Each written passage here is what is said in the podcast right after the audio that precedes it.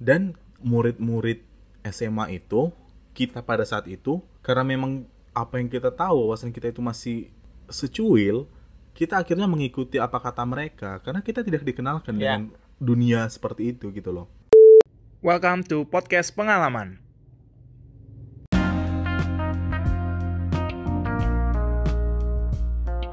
Halo semuanya, balik lagi bersama podcast pengalaman dan kali ini aku bersama teman masa SMA dan juga teman di kampus juga namanya Jackson Winardi. Halo Jack. halo Halo. Jadi Jackson ini udah pernah di episode tahun lalu waktu itu kita ngebahas entrepreneur ya Jack ya. Yap. Udah setahun loh. udah setahun ya nggak kerasa ya Iya udah setahun dan baru ada kesempatan lagi kali ini. Halo Jack, gimana kabarnya? Eh, baik sehat luar biasa yes yes yes Oi. gimana Tyson? Tezen so far so good ya Wow. masih bisa di- dikatakan good enough lah Yang waktu tahun lalu eh, sempat kau informasikan kalau akan ada inovasi-inovasi gimana tercapaikah di tahun ini? Tahun ini bakal ada dua produk launching di bulan Juli dan Agu eh Juli dan Desember. Dan ada minor produk Oke. launching juga sih di uh, di Oktober kalau nggak salah. Berarti bakal ada tiga Wow. totalnya. Tapi tungguin aja apa produknya. Wih, berarti sesuai ini ya, sesuai target ya dari tahun lalu ya. Hmm, dibilang sesuai target enggak? Ini rada pivot-pivot dikit lah. Soalnya Oh, ya oke, namanya ini ya namanya usaha nggak ada yang bisa diprediksi. Apa pun sebenarnya dalam hidup nggak bisa diprediksi kan. Dan hari ini Jackson udah meluangkan waktunya. BTW ada sibuk apa belakangan ini? Eh karena ini di recordnya pas Ramadan ya, jadi kan sebenarnya di kantor itu lagi ada campaign Ramadan ya, semua perusahaan pasti ada lah ya. Oke. Nah jadi, Iya. tapi karena kebetulan kerjaanku itu memang biasanya banyak sebelum eh, campaignnya dimulai, jadi ya udah lumayan Oke. enak lah. Wow. Thank you loh Jack udah meluangkan waktunya. Ya baik. Oh iya. Eh, sedikit info juga Jackson ini sekarang nggak sekarang sih udah dari tahun lalu juga aktif di ada kayak kontennya itu namanya ngojek ya Jack ya? Udah. Gojek Iya, dan- ngojek dan cuma ada podcastnya juga. Tidak ada apa-apanya lah dibandingkan podcast pengalaman. Soalnya itu juga aduh aduh aduh. buatnya belum konsisten. Mencoba di revive ulang lah belakangan Eh, ini. tapi tapi yang penting kan kita udah mulai dan kalau kalian suka ada gak di highlights Jack kalau misalnya ada teman-teman yang mau lihat udah di highlights belum di Jadi Instagram jadi sejujurnya aku juga belum terlalu pede dengan apa yang ku buat. Jadi kayak kenapa di story supaya 24 jam hilang orang melupakan. Oke, karena sekarang mungkin Jackson masih pengen uh, limited kali ya, terbatas gitu. Jadi kalau kalian mau lihat hanya butuh 24 jam. Iya. Lewat dari 24 jam kan udah gak bisa lihat lagi. betul, betul sekali. gitu. Udah kayak premier ya, Cuk ya. Iya. ih. Nanti kalau udah PD-nya Oke. muncul baru nih dibikin di semua platform yang ada. Oke. Betul, betul. Oke, kita tungguin nanti Gojek. Dan ini juga aku sekalian aja gitu collab juga lah namanya sama Gojek, Ngojek gitu. Ini sangat sangat memalukan sebenarnya. Eh, nah, yang akan aku bahas adalah aku sama Jackson itu dulu satu SMA. Ya, kita sekolah di SMA favorit lah bisa aku bilang di kota kelahiran kita di Pematang Siantar dan waktu itu Jackson di IPA, aku di IPS. Nah, yang mau aku tanyain itu adalah mau aku obrolin juga terus kalian eh, dulu kita nggak tahu sih kalau di sekolah-sekolah lain itu kayak gimana, tapi dulu di sekolah kita itu kita itu kayak harus pasti wajib masuk PTN. Gimana Jack menurutmu? Betul. Dan sebenarnya em, tiap sekolah itu kan memang eh, value yang ditawarkannya itu beda-beda sih ya.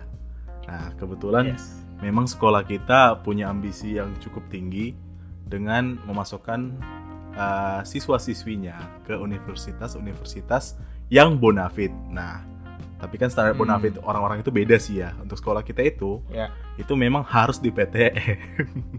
Jadi ya Betul. kalau mau disalahkan nggak ada yang mau disalahkan memang itulah yang menjadi Enggak, enggak, nilai plus Iya. dari SMA kita saat itu Gitu. Betul. Gak ada yang salah karena PTN itu memang bagus banget dan parah bagus susah gitu. iya Semua orang pengen kuliah di sana, jujur aku pun pengen kuliah di sana dan emang susah masuknya. Nah. Jadi buat teman-teman yang udah kuliah di PTN ya itu suatu suatu hal yang bagus juga. yang keren malah Iya, hal yang bagus. Iya. gitu Nah, di- dulu di sekolah kita itu eh, pengetahuan soal entrepreneur, mungkin sekarang dunia kreatif, eh, investasi ataupun hal-hal yang berbau seni itu masih sangat kurang kan, Jack? Iya. Jadi eh, dengan kata lain mungkin kita itu kurang mengenal hal-hal itu. Hmm. Gitu. Menurutmu kayak gimana? menurutku kembali lagi ke value yang ditawarkan sekolah kita memang menghantarkan murid-murid siswa-siswinya itu ke PTN artinya mereka sangat Hmm. fokus di bidang akademis yang artinya Yes. eh, ketika siapa pun nggak cuma sekolah tapi personal individu manusia juga atau perusahaan atau apa pun mempunyai fokus tentu akan lebih baik kalau misalnya tidak diganggu oleh hal-hal lain harus eh, biasanya Oke. seperti itu kan jadi aku rasa itu yang buat kenapa sekolah kita nggak mau apa ya nggak mau ngebahas masalah entrepreneur, creativepreneur dan hal-hal yang di luar akademis lainnya. Namun menurut Hmm. pandanganku sendiri itu kan tadi secara garis besar ya kalau misalnya eh, secara Iya, iya. umumnya kalau misalnya suatu badan atau perseorangan itu fokus akan sesuatu. Tapi kalau menurut pandanganku sendiri eh sangat disayangkan bahasa amannya itu disayangkan. Kenapa? Nah, itu dia. Nah, kenapa tempat di mana kita menghabiskan waktu most of the time itu nggak Yes. mengajarkan hal yang mungkin bisa membuka pintu lainnya gitu. Setuju, setuju. Itu poinnya. Ah, seakan-akan seakan-akan kita dikasih kacamata kuda bahwa hanya untuk satu titik, di satu titik aja yaitu masuk perguruan tinggi negeri itu baru jadi sukses. Betul. Padahal, padahal ya dengan tadinya dibuka Hmm. hal-hal tersebut, mungkin ternyata eh, siswa atau murid-murid yang ada di dalamnya itu ya anggaplah akademisnya biasa aja, tapi sebenarnya di bidang lain itu sangat sangat cemerlang. Artinya potensi-potensi ters- kayak gitu kan jadi hilang kan. Yes, yes, Nah, yes, yes. Dan yes. problem itu kan nggak ditemukan cuma di sekolah kita, hampir di semua, bahkan it's kinda safe di seluruh sekolah di Indonesia. Tapi uh, kalau misalnya sekolah internasional nggak tahu ya. Tapi kebanyakan sekolah yang Hmm. Indonesia punya itu memang nggak ngebahas masalah kayak gitu. Nggak usah deh ngomongin creative planner, entrepreneur dan hal-hal seperti Iya. di luar topik akademis dan mata pelajaran. Tapi sesimpel untuk kewajiban kita ke negara kayak pajak, keuangan dan segala macam Ya, Seharusnya ya, kan- Iya, iya, setuju, setuju. dikasih tahu. Buktinya banyak tuh. Benar. Setelah kuliah, bahkan ini berlanjut sampai kuliah loh. Setelah kuliah Iya. itu kita nggak tahu pajak itu seperti apa. Memang jadi agak pontang-panting di awal. Padahal sebenarnya nggak segitu ribetnya. Tapi kita jadi nggak Betul. tahu kita harus ke mana melangkah untuk bayar pajak. Sesimpel bayar Yes. pajak ke negara gitu.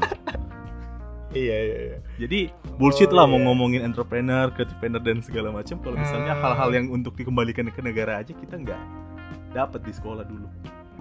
Gimana caramu menumbuhkannya gitu? Walaupun mungkin dulu di sekolah kita itu gak ada basicnya sama sekali bisa aku bilang bener-bener gak ada. Bayangin aja dulu SMA kita eh, masuknya pelajaran jam 8 sampai jam 2 siang, terus bimbel lagi, belum lagi bimbelnya kita dicekokin buat yang penting lulus, yang penting lulus, gak mau lulus. gak mau tahu pilihannya apa, yang penting masuk aja, iya kan? Iya betul. Nah itu gimana tuh? Sebenarnya sih ini mulai kepikiran untuk menjadi seorang entrepreneur itu dari kuliah. Waktu zaman kuliah. Nah, Kayak yang di episode sebelumnya Oke. aku udah pernah ceritain. Karena memang yes. saat itu di Binus kan memang ada kelas entrepreneur lah. Masih kelas entrepreneur, Hmm. masih dalam SK eh, mata kuliah kan. Mem- walaupun di situ kurang dalam tapi cukup membuka wawasan lah mengenai bagaimana menjadi seorang entrepreneur itu sendiri bahwa ada konsep di mana menjadi entrepreneur pun bisa hidup gitu kan. yes. Lalu oh ya, ngomong-ngomong bukan cuma di, di kampus kita aja, ternyata di kampus-kampus lain juga udah mulai terbuka nih Udah banyak ya. ya, masalah kelas entrepreneur. Tapi yang menurutku gokil dari kampus kita saat itu, eh, kita dikasih pilihan untuk magang, kerja praktek, tapi kita bikin Yes. eh, usaha kita sendiri jadi entrepreneur. Artinya kan cukup unik, Hmm. di mana biasanya kerja magang itu, apa kerja praktek itu harus di perusahaan lain, ya kan? Iya. Tapi kita dikasih eh, kesempatan untuk ya. Iya, untuk berkreasi sendiri, untuk menjadi entrepreneur. Bahkan diwadahi, bukan cuma sekedar dilepas, tapi ada Betul. ada mentoringnya, ada Ada dipertemukan dengan inkubatornya juga ya. iya investor dan dikasih training-training Hmm. yang benar-benar ngebantu. Jadi ya cukup oke sih. Gara-gara itu sih yang membuka. Iya, betul betul betul. Dan kalau ditanya satu alasan lain, eh ada dua alasan lain juga sih sebenarnya sorry, yaitu aku tinggal di tempat saudara, ya kan. Nah, Oke. Tempat saudara saudaraku itu- tempat yang kutinggali itu, mereka itu pasangan pengusaha. Jadi since orang tua aku keduanya le PNS, aku nggak bilang PNS Hmm. itu nggak oke oke banget. Itu Oke lah.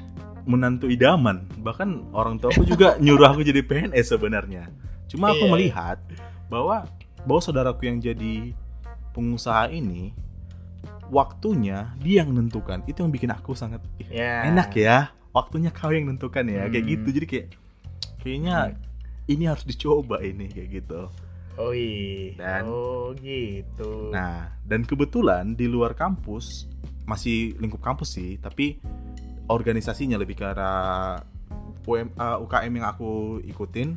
Di situ ada orang-orang yang memang pengen juga punya visi yang sama juga. Yes. Akhirnya seluruh kebetulan yang sejalan ini bersatu membentuk aku yang Ah. seperti ini sekarang kayak gitu. Jadi memang eh, alam sih yang bekerja. Terkadang. Berarti bisa aku bilang dulu di SMA itu memang gak ada kepikiran sama sekali ya Jack ya. Masih sama kayak aku juga dan teman-teman kita lainnya ya. Di otak kita cuma ya itu tadi yang aku bilang Betul. targetnya. menjadi pekerja profesional lah atau mungkin PNS atau Iya. ya, kayak gitulah Ya dan dan targetnya mungkin masih sebatas ya gimana lulus PTN masuk PTN kayak Betul. gitu kan. Iya Ya, sekali lagi aku bilang ya PTN itu bagus banget. bagus bagus Cuma kalau gak masuk ya bukan berarti dunia itu berhenti di sana bro kan. iya Iya kan? gitu gitu. Iya. bukan berarti kalau nggak masuk kita bukan siapa-siapa enggak bahkan banyak juga teman-teman yang kayak gagal mungkin di PTN termasuk aku dan teman-teman lainnya juga Mm-mm. kayak ya udah life must go on gitu Iya. ya, ada juga yang yang sekolah di mana kuliah di mana gitu jadi menurutku nggak nggak jadi patokan lagi mungkin untuk sekarang ya bagi aku sendiri gitu. Mungkin kalau teman-teman juga aku gak tahu sih anak-anak adik tingkat kita gimana sih sekarang? Apa masih seperti itu ya? Iya gak sih? Eh, mungkin karena orang-orang di Mungkin, dalamnya itu masih orang-orang yang sama? Ya kan? Jawaban Jackson ini safety banget. Iya. Mungkin jawabannya. karena sebenarnya itu rahasia umum sudah pasti. Cuma supaya tidak disomasi jadi akhirnya mencoba jawaban yang aman iya sih. kita iya. semua yang sudah pernah di Oh, iya, dalamnya tahu lah siapa-siapa aja yang membuat eh, mindset ini terjadi seperti itu. Nah ya, satu lagi aku yang mau nanya soal realita bimbingan belajar. Nah kebetulan eh, aku itu punya kenalan beberapa orang yang punya bimbingan belajar dan aku juga tahu gimana eh, beberapa orang yang bekerja di sana kan. Mhm.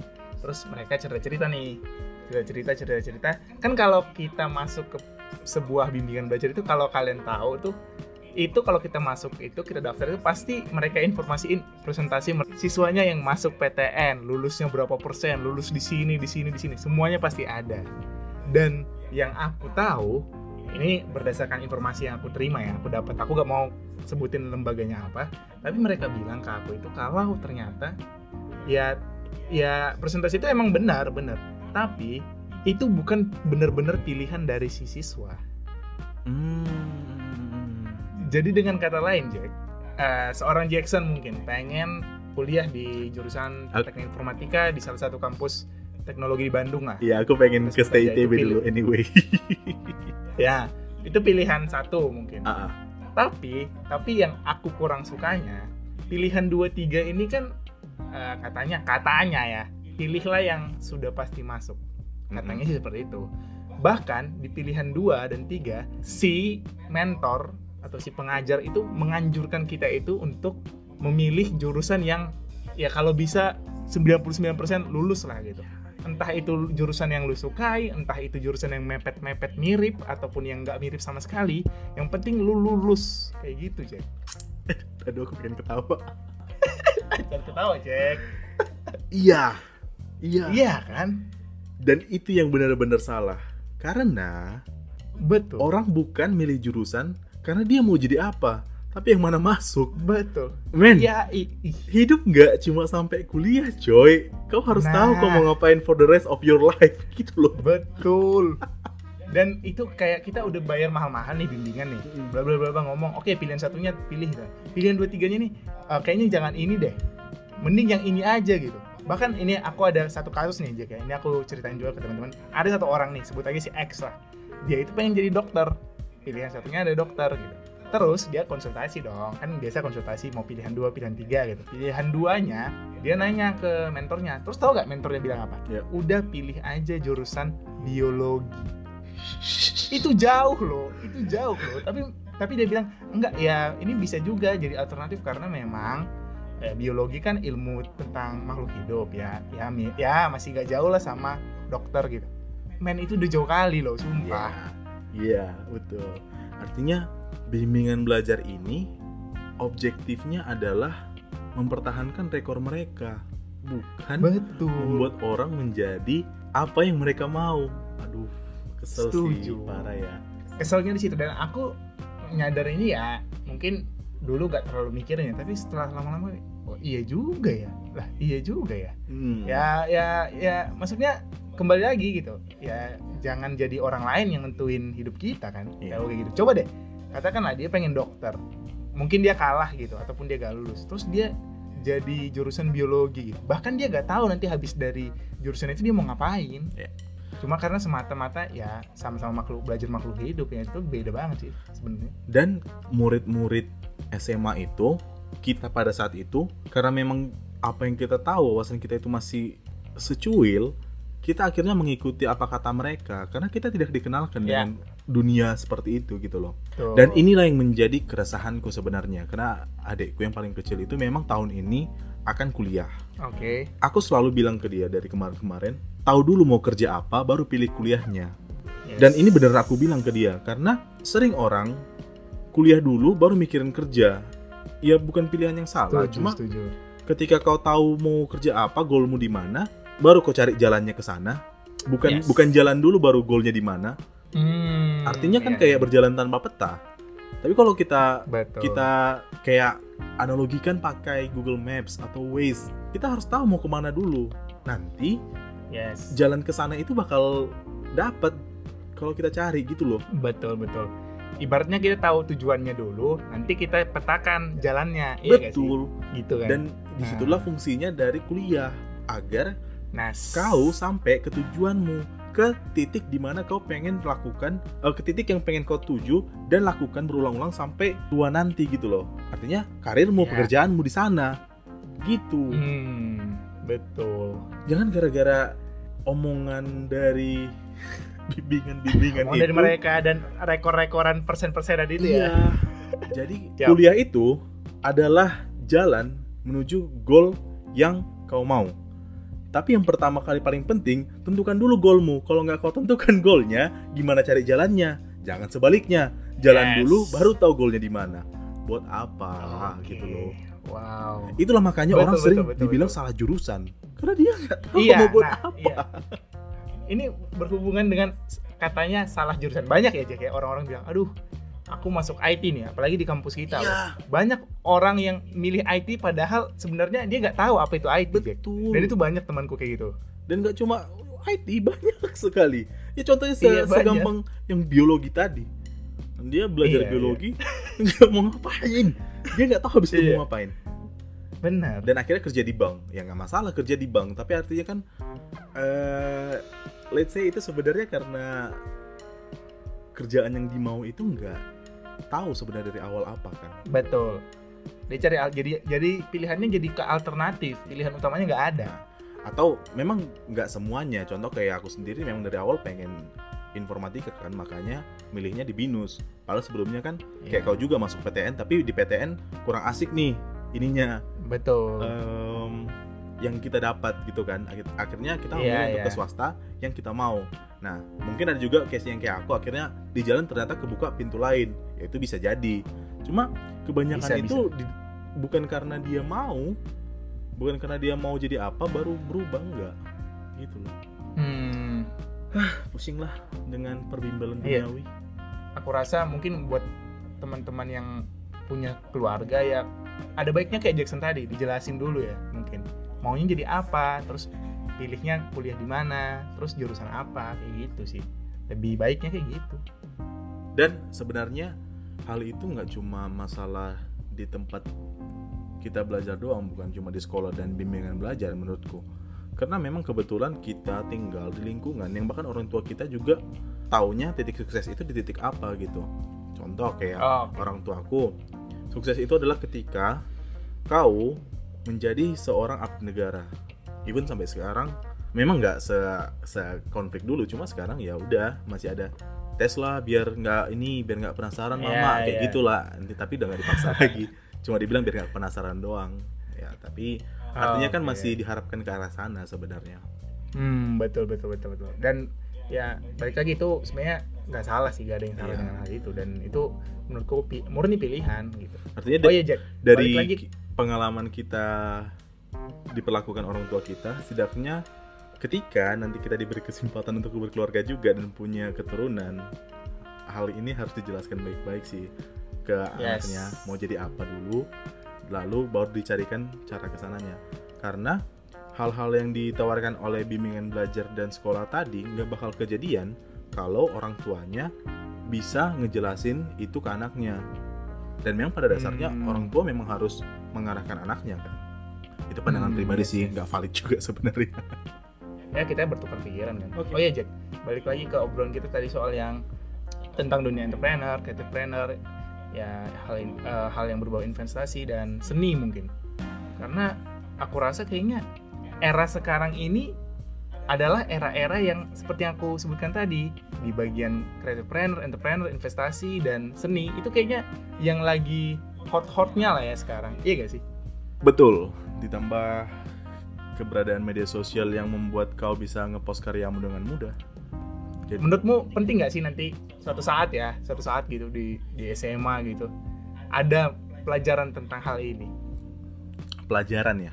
Pelajaran atau ekskul mungkin atau apa ya apa ya aku bisa bilangnya kayak tambahan mungkin dari sekolah itu sendiri gitu mungkin kita yang nggak ngerasain fit. Soalnya aku Iya, baru iya. tahu. Eh kenal Agung Hapsa nggak?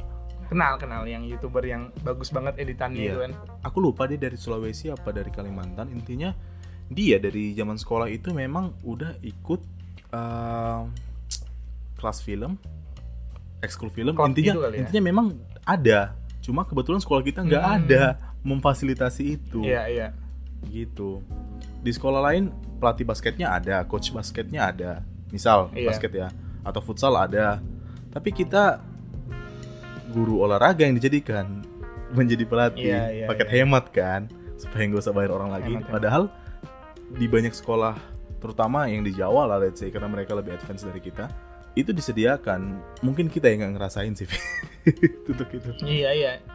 Maksud aku memang kita yang nggak ngerasain dan aku nggak tahu juga kondisinya sekarang seperti apa. Tapi kalau hal-hal yang kayak tadi, oh gak usah jauh-jauh deh, cek Hmm, kayak skill soal editing video, terus editing foto, terus kayak mixing lagu. Dulu bahkan teman-teman kita kan banyak gitu yang dancer-dancer gitu kan kayak harus minta bantuan orang lain Iya. buat bikin-bikin uh, apa karya-karya digital seperti itu. Sementara yang waktu aku tahu nih anak-anak SMA di Jakarta terus secara khususnya Jabodetabek itu skillnya itu udah gila-gilaan. Parah. Udah- wah gila Parah. sih. Parah.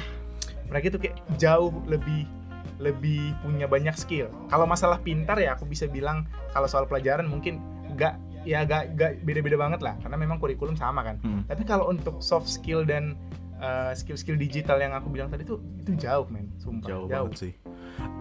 Jadi, kalau menurut pandanganku, kita itu di sekolah mostly diajari oleh generasi setingkat, dua tingkat, bahkan tiga tingkat di atas kita. Benar? Baby boomer. Ya, ya kan. Artinya mereka punya pandangan tersendiri tentang hidup. Nggak bisa disalahkan. Oke. Itu itu yang dilalui mereka sejak muda. Dan memang sama seperti kayu, ketika sudah tua, mau dicoba dibengkokkan pasti patah. Artinya memang itu yang dibawa. Kita diajari oleh generasi yang jauh lebih tua di atas kita, artinya kita mengikuti pola pikir kita saat itu. Apalagi kita dari daerah kan, akses dan Iya. trennya itu agak lama masuk ke sana. Tapi kalau menurutku generasi sekarang itu bukan aku bilang dulu kita susah dapat informasi ya, dulu kita lumayan Ya. uh, pakai internet juga udah dari zaman sekolah. Cuma sekarang itu lebih banyak lagi cara mendapatkan informasi ya bahkan segampang TikTok, TikTok aplikasi Iya. yang dulu dianggap alay itu menjadi sumber inspirasi, sumber wawasan yang sangat luas. Jadi kalau misalnya Yes. mau ngomong uh, mau ngomong secara gamblang, kita sama generasi yang di bawah kita yang masih umur belasan, mereka itu udah jauh lebih keren daripada kita. Sesimpel OSISnya waktu kita SMA dengan OSIS waktu mereka SMA, cara mereka mendokumentasikan kegiatan itu beda. Mereka sudah bikin mini videonya, teaser video dan segala Iya. macam. Dulu kita nggak Iya. pernah. Dulu, dulu aku ingat kita dapat tugas bikin video. Coy, kalau kalau lihat lagi itu kan malu kan ya. Iya sih, iya sih. Kalau kalau kita lihat output yang dilakukan oleh generasi kita, eh generasi di bawah kita dengan kita, output dan hasil dari apa yang mereka kerjakan jauh lebih keren. Dan untunglah mereka udah pakai internet gitu loh. Artinya internet itu makin berkembang dan tidak ditolak di daerah kita. Artinya meskipun Yes. tadinya tren itu eh, kita tidak ketahui, jadi karena ada karena ada internet, akhirnya kita bisa ikutin dengan cepat gitu loh. Betul betul. Artinya kerengkeng yang dibuat oleh generasi di atas kita dalam berpikir itu akhirnya menjadi tiada. Akhirnya bisa kita tembus karena ada internet gitu loh. Terima Apalagi kasih sekarang mungkin- media sudah ada di dunia ini. Iya, apalagi mungkin sekarang eranya belajar virtual ya. Pasti guru-guru juga Lebih dipaksa. ke sih. arah keadaan sih. Kasihan sih Iya, guru-guru. yang Iya sudah kasihan. Itu di satu sisi gurunya jadi dipaksa berinovasi dulunya yang masih pakai spidol di papan tulis kan sekarang jadinya perlahan-lahan ya harus bikin PPT, bikin materinya dari uh, PowerPoint, bikin ya materi-materi yang berbau inilah digital. Bahkan mungkin rajin-rajin apa kayak virtual meeting, virtual meeting kayak gitu kan. Iya. Memang Betul. perubahan itu nggak pernah bisa ditolak sih ya. Mau Yes. Sekeras apa pun berusaha, perubahan itu nggak bisa ditolak. Dan orang-orang yang nggak mau berubah sih yang bakal ketinggalan. Dan ini udah Betul, terjadi dari zaman dahulu gitu loh. Apalagi Jack dengan- lihat Ah, ah. lihat anak-anak nih Mm. pasti kan kita sering lihat anak-anak di kota-kota besar gitu sama papa mamanya itu dikasih iPad terus Ya. bisa ngerti muter video main game nah aku gak bisa kebayang lagi. Itu waktu SMA nanti main apa lagi anaknya? Waktu SMA nanti buka apa lagi? Jangan salah, anak-anak SMA zaman sekarang main kripto coy. Ya, Kripto. iya, iya kripto. Dulu kita main apa? Futsal, basket. makanya iya. Jadi kayak oh gila. Mereka itu melompati banyak step yang dulu kita yang dulu kita ikuti gitu. Kita dulu masih gila-gilaan. Wah basket turnamen terus tanding-tanding. Mereka enggak ngomonginnya apa? Udah beli berapa saham Nah. BBRI BBCA udah kayak gitu obrolannya sekarang Iya. Balik lagi ke wawasan yang dibuka oleh internet ini membuat segala hal menjadi lebih inilah lebih indah untuk anak-anak betul betul yang masih muda. Dulu cepet Fit, ini omongannya agak menyimpang, bukan menyimpang sih, agak O- OT. nggak apa-apa apa Tapi menurutku ini adalah hasil dari wawasan yang cetek. Wawasan yang sempit, Oke. wawasan yang dikerengkeng, wawasan yang cuma seba- sebesar uh, kota Siantar, tempat kita lahir. oke Fit, dulu kita kelas 1 bikin kaos angkatan. Kelas Ya. 2 jaket angkatan, kelas 3 betul eh, jaket alumni kelas kelas eh, kelas kelas kaos Iya. kelas jaket kelas jaket angkatan harganya 70.000 ke atas iya betul karena kita nggak tahu prosesnya seperti apa sekarang. Betul sekali. Dan kita dibodoh-bodohi oleh senior senior kita yang sudah kuliah. Iya. emang kurang ajar ini Iya. senior senior teman-teman kita yang berteman dengan senior senior bahkan dulu Iya. kelas kami ditawari kaos 90.000 ribu coy 90 udah kayak kaos branded. Jangan kaos Iya. branded kaos yang di mall gitu loh. Men. Betul betul. Itu kan hasil dari ketololan dan kesempitan wawasan seseorang gitu loh. Itulah yang kejadian dengan kita di zaman kita masih kuliah betul mungkin kalau sekarang anak SMA nggak bisa digituin lagi Jack ya? Udah nggak bisa lah. Orang mau nipu gimana? Maksudnya iya. Kau buka toko aku buka toko. Kita sama-sama jual di internet. Ya kelihatan dong siapa lebih murah Iya, siapa lebih mahal. kelihatan. dan Betul, orang betul, jadi betul. tahu bahwa modalnya itu nggak semahal itu apalagi kita selalu produksi dalam jumlah banyak. Udah nggak bagus lagi. Mahal. Lagi Bayangin kita jumlahnya berapa Jik satu angkatan? Bisa satu kelas Berapa itu ya? 50 let's say ya kan? 50 40 lah ya. Ah, ah, 16 sampai 17 50 kali 7 7 kelas loh. 350 orang satu angkatan. Dikali 3 udah? Iya. hampir Gila seribu ya. loh kita dalam satu sekolah. Belum lagi ngasih Iya, iya, guru-gurunya dan segala macam. Duit itu ya, duit. duit itu. Artinya kita dibodoh-bodohi karena kita tidak punya wawasan apa-apa fit. Gak usah Ya jauh-jauh thanks ngomongin to investasi. abang-abang alumni ya. Ah, iya mentang-mentang mereka udah punya wawasan yang lebih luas bukannya membantu adik-adiknya yang di bawah malah nipu kan kesal ya Tapi dulu kita merasa itu fair ya. Kita nggak tahu itu soalnya. kita nggak tahu coy kita nggak tahu apa yang kejadian di luar sana kita cuma tahu membayar minta uang ke orang tua kita mak Bayar. kami mau bikin kaos kelas segini harga Oke. Sekian. Oke, bayar. Jadi. bayar hasilnya jelek lagi Oke, ya itulah ya itu mungkin cerita kita dari 6 7 tahun lalu ya. Iya, 2014 tahun, itu kan tujuh 7 tahun yang lalu. Heeh. Nggak terasa juga sih. Ya aku rasa 7 tahun setelah kita lulus SMA ya pasti udah banyak berubah juga. iya iya Mulai dari- cukup lama juga sih memang Pengetahuan tadi terus soal yang kayak tadi Jackson bilang juga. Oh ya, gimana Jack? Harapannya untuk mungkin eh, teman-teman ataupun orang-orang yang kita kenal mungkin yang dulu ngerasa aduh kayaknya gue gagal nih ketika apa yang gue lakuin itu ternyata nggak seperti yang orang la- lain dapatkan gitu ternyata apa yang gue kerjakan sekarang ternyata nggak seperti orang kebanyakan kayak gitu Hmm, gak usah berkecil hati sih. Tapi aku rasa orang-orang yang sangkatan kita dan di umur kurang lebih kayak kita sih udah pada ngerti sih. Karena eh, Iya. orang-orang yang kuliah di PTN pun ternyata melihat kita nggak sekecil itu juga, ya kan? Yang artinya setelah keluar dari swasta kita nggak dilihat sekecil itu. Padahal dulu rasanya tabu sekali keluar dari swasta, eh masuk ke swasta. Tapi ternyata setelah keluar dari swasta dan masuk ke dunia kerja kurang lebih mirip-mirip kok. yes Nah, jadi pandangan, jadi pesanku ke orang-orang, gak masalah apa yang kau kerjakan itu beda dari orang-orang, selama memenuhi dua syarat. Ini boleh salah satunya, Oke. tapi boleh dua-duanya. Tapi yang paling penting yang pertama, itu bisa mengasih kehidupan ke kau. Itu Yes. bisa bikin kau hidup karena uh, ngomongin soal passion itu akan sulit kejadian kalau misalnya kau juga nggak bisa menghidupi dirimu. Hidup dulu, stabil dulu, baru cari passion. Nah, kedua, ketika sudah hidup dan sudah mapan, sudah sejahtera, baru cari buat yang kau happy. Dan kalau misalnya kedua hal ini yang buat kau mapan dan kau happy adalah satu hal, berbahagialah karena nggak semua orang punya kemewahan itu. Dan nggak usah Yes. minder kalau misalnya orang lain rata-rata kerjaannya beda dari kau. Berarti kau Iya. punya kemewahan yang tidak dimiliki orang lain.